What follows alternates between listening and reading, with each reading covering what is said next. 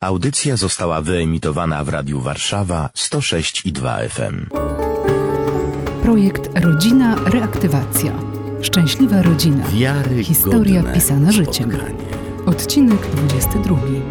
O nauce samodzielności i posłuszeństwie.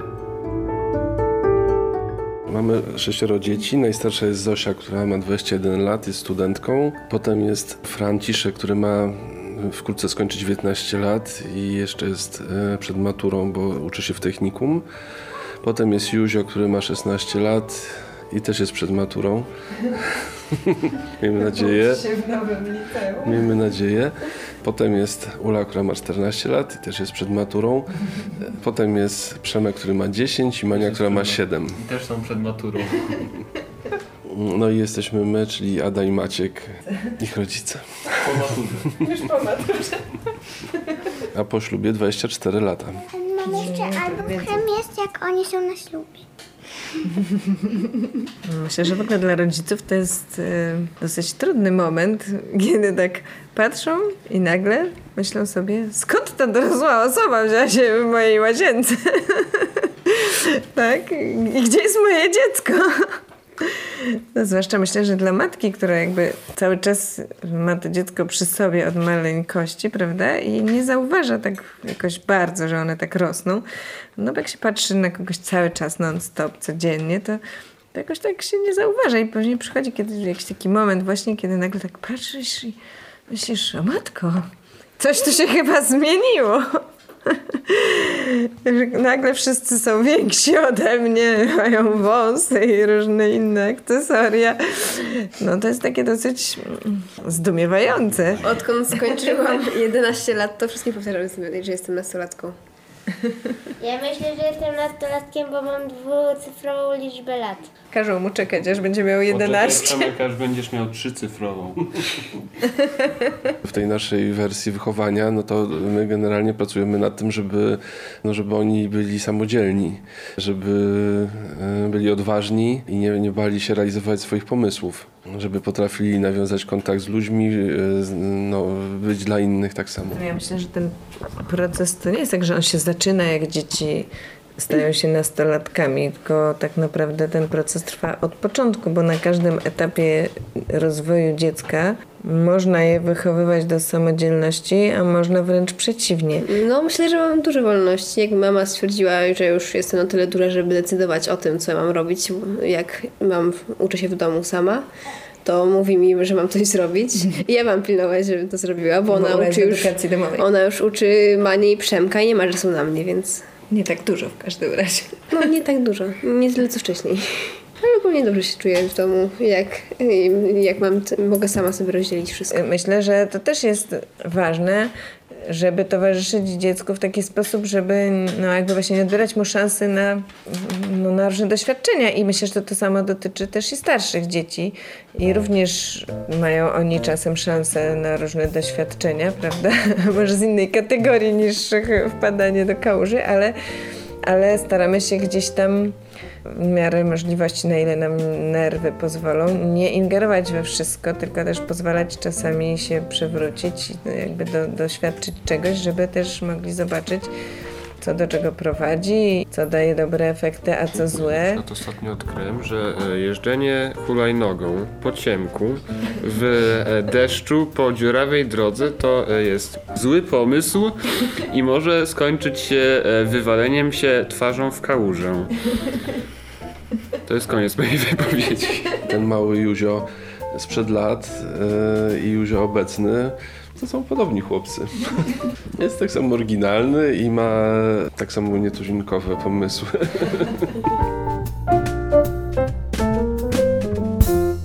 Mm, Na pewno doceniam to, że jakby rodzice pozwalają nam eksperymentować, pozwalają nam na jakby uczyć się na błędach i jakby my mamy taką wolność, którą ja jakby obserwuję, że niektórzy na przykład z moich rówieśników właśnie takiej wolno- wolności nie mają. Ja to naprawdę doceniam. No i jakby oni, można powiedzieć, że motywują nas do właśnie tej samodzielności, radzenia sobie samemu i myślę, że nawet jeżeli czasem to trochę mnie frustruje, bo jakby no, mi się wydaje, że rodzice muszą mi pomagać we wszystkim, to jakby myślę, że to jednak jest ważne, że oni dają mi się nauczyć radzić sobie No, samemu. to był wtedy. Chyba Józkiem, bo jest tu Franek i Zosia. Tak, myślę, że to Józio był tutaj. Wszystko jasne. Byłeś tam schowany. No właśnie, to jest takie dosyć zabawne, że najpierw się ma takie dzieciątko, które można e, e, trzymać tak na jednej ręce, a później ono ma 1,85 m. i- 5? No a ile masz? 83. No to trzy, ale też niewielka różnica, czy taki wysoki. pięć, czy trzy. Zmieniają się też i problemy, bo z małymi dziećmi jest dużo takiej pracy, takiego biegania, wycierania nosu, zmieniania pieluch, tak, karmienia, łapania, pilnowania, niespania i tak dalej. A z dużymi, no to już są trochę inne problemy, tak? Już nie trzeba im wycierać nosów i ubierać ich i szukać ich, nie wiem, skarpetek, tylko trzeba stanąć w obliczu trochę innych problemów. No i to na pewno jest też duże wyzwanie, nawet nie wiem, czy nie większe niż w przypadku tych małych problemów, czego myślę, że się zupełnie sobie nie wyobraża, kiedy dzieci są małe i wydaje się, że no duży to już będzie super, bo wtedy już będzie tak łatwo. No jak potrzebuję, to przychodzę. Zawsze ktoś jest w domu, a jak nie ma, no to na przykład jak jeździmy, jak mama mówiła, no to gdzieś się jedzie, to co najmniej już 15 minut, no to jest czas na porozmawianie. I też w weekendy i w ogóle, więc ja mam tak dużo czasu. Zależy na jaki temat. Jak są na temat tego, jakich zadań nie odrobiła, to nie lubi. I wtedy uciekam na górę. Szkoła była zawsze bardzo wesoła i bardzo towarzyska i połowa grupy w przedszkolu, wszyscy chłopcy y, wykradali swoim mamom różne elementy biżuterii i się jej oświadczali. Także generalnie ona zawsze, y, zawsze była bardzo taka właśnie społeczna i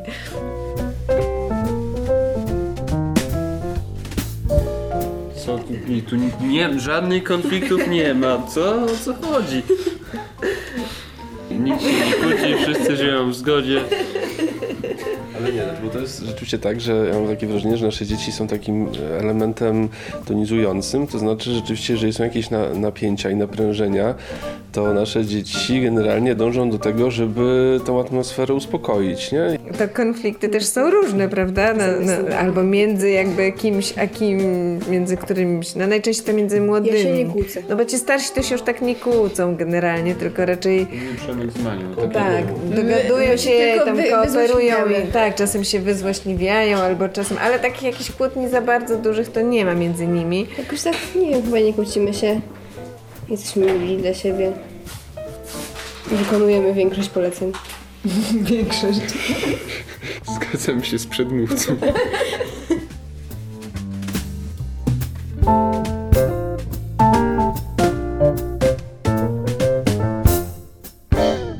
rozmawiamy ze sobą no tak na, na bieżąco, nie? Eee, Nie, nie? Nie mamy żadnej takiej rozpiski, gdzie po prostu wyznaczamy komuś tam godziny e, na, na, na, na spotkanie. 19.15 to chyba już czas na Przemysława. My nie jesteśmy tacy bardzo systemowi, już prowadzi, próbowaliśmy wiele razy robić różne grafiki, Wszystkie nasze listy, plany się rozpadają. dyżury, tam różne takie, no bo są takie... Dyżury działają. E, No dyżury, ale dyżur zmywarkowy nie działa na zasadzie takiej listy jak u niektórych, bo nie u niektórych jest tak rozpisane, na przykład, nie wiem, we wtorki ktoś, a u nas to działa trochę inaczej, to działa po prostu na takiej zasadzie, że jest lista i ten, kto pakuje zmywarkę, wpisuje się na tą listę. Chyba, że wtedy, zapomni. Chyba, że zapomni, no to już ma To pecha. musi drugi raz. Tak, i wtedy jak trzeba wezwać kogoś do pakowania, to się patrzy na listę i kto był. Ten, ten, ten, ten. O, teraz już ten nie był. No to się wzywa tego, kto najdawniej nie był, prawda? Wtedy ten ktoś przekupuje inną osobę za cukierki i musi ich I znowu psuje się kolejność. Na pewno dużą pomocą jest to, że mamy tych dzieci gromadkę, nie? I w tym momencie też jest taki proces, w którym oni sami się wychowują między sobą. I też jest to, że tak naprawdę nas jest tylko dwo, dwoje i jesteśmy w niektórych sytuacjach bezradni. Po prostu oni muszą sami różne rzeczy zrobić. Muszą skorzystać też ze swojej pomocy, ze swoich doświadczeń. I myślę, że to jest jakby no, du duża siła rodziny wielodzietnej. Właśnie, właśnie jest w tym, że rodzice, że, że rodzice są w mniejszości. Po prostu my się cały czas uczymy, my się stajemy właściwie tymi rodzicami wciąż i też wciąż spotykamy się z jakąś kolejną nową fazą, tak, w którą wchodzą nasze dzieci i z nowymi wyzwaniami, a każdy z nich jest inny i każdy inaczej przeżywa też te same momenty. Tak właśnie jest i te dzieci, każde jest inne. Psacie pomysłowość. Ma całkiem dużo śmiesznych pomysłów w mamie. Zawsze wymyśla coś na obiad, nawet jak nie wiecie co. Dużo mówi. Za dużo. Nie wiem, jakoś tak dobrze jest. Dla mnie miłość to, to dbanie o siebie i bycie ze sobą e, i troska. To jest właśnie oddanie siebie temu drugiemu, prawda? Każdy z małżonków zapomina w jakiś sposób o sobie, a oddaje się temu drugiemu, no, a ten drugiemu, no i to tak jakoś działa. Też myślę tak jak tata, że miłość to jest dbanie o o siebie nawzajem. Jesteśmy dla siebie i troszczymy się o siebie nawzajem. Nie bijemy się. Przynajmniej w większości. Projekt dofinansowany w konkursie Ministra Rodziny i Polityki Społecznej po pierwsze rodzina na rok 2021.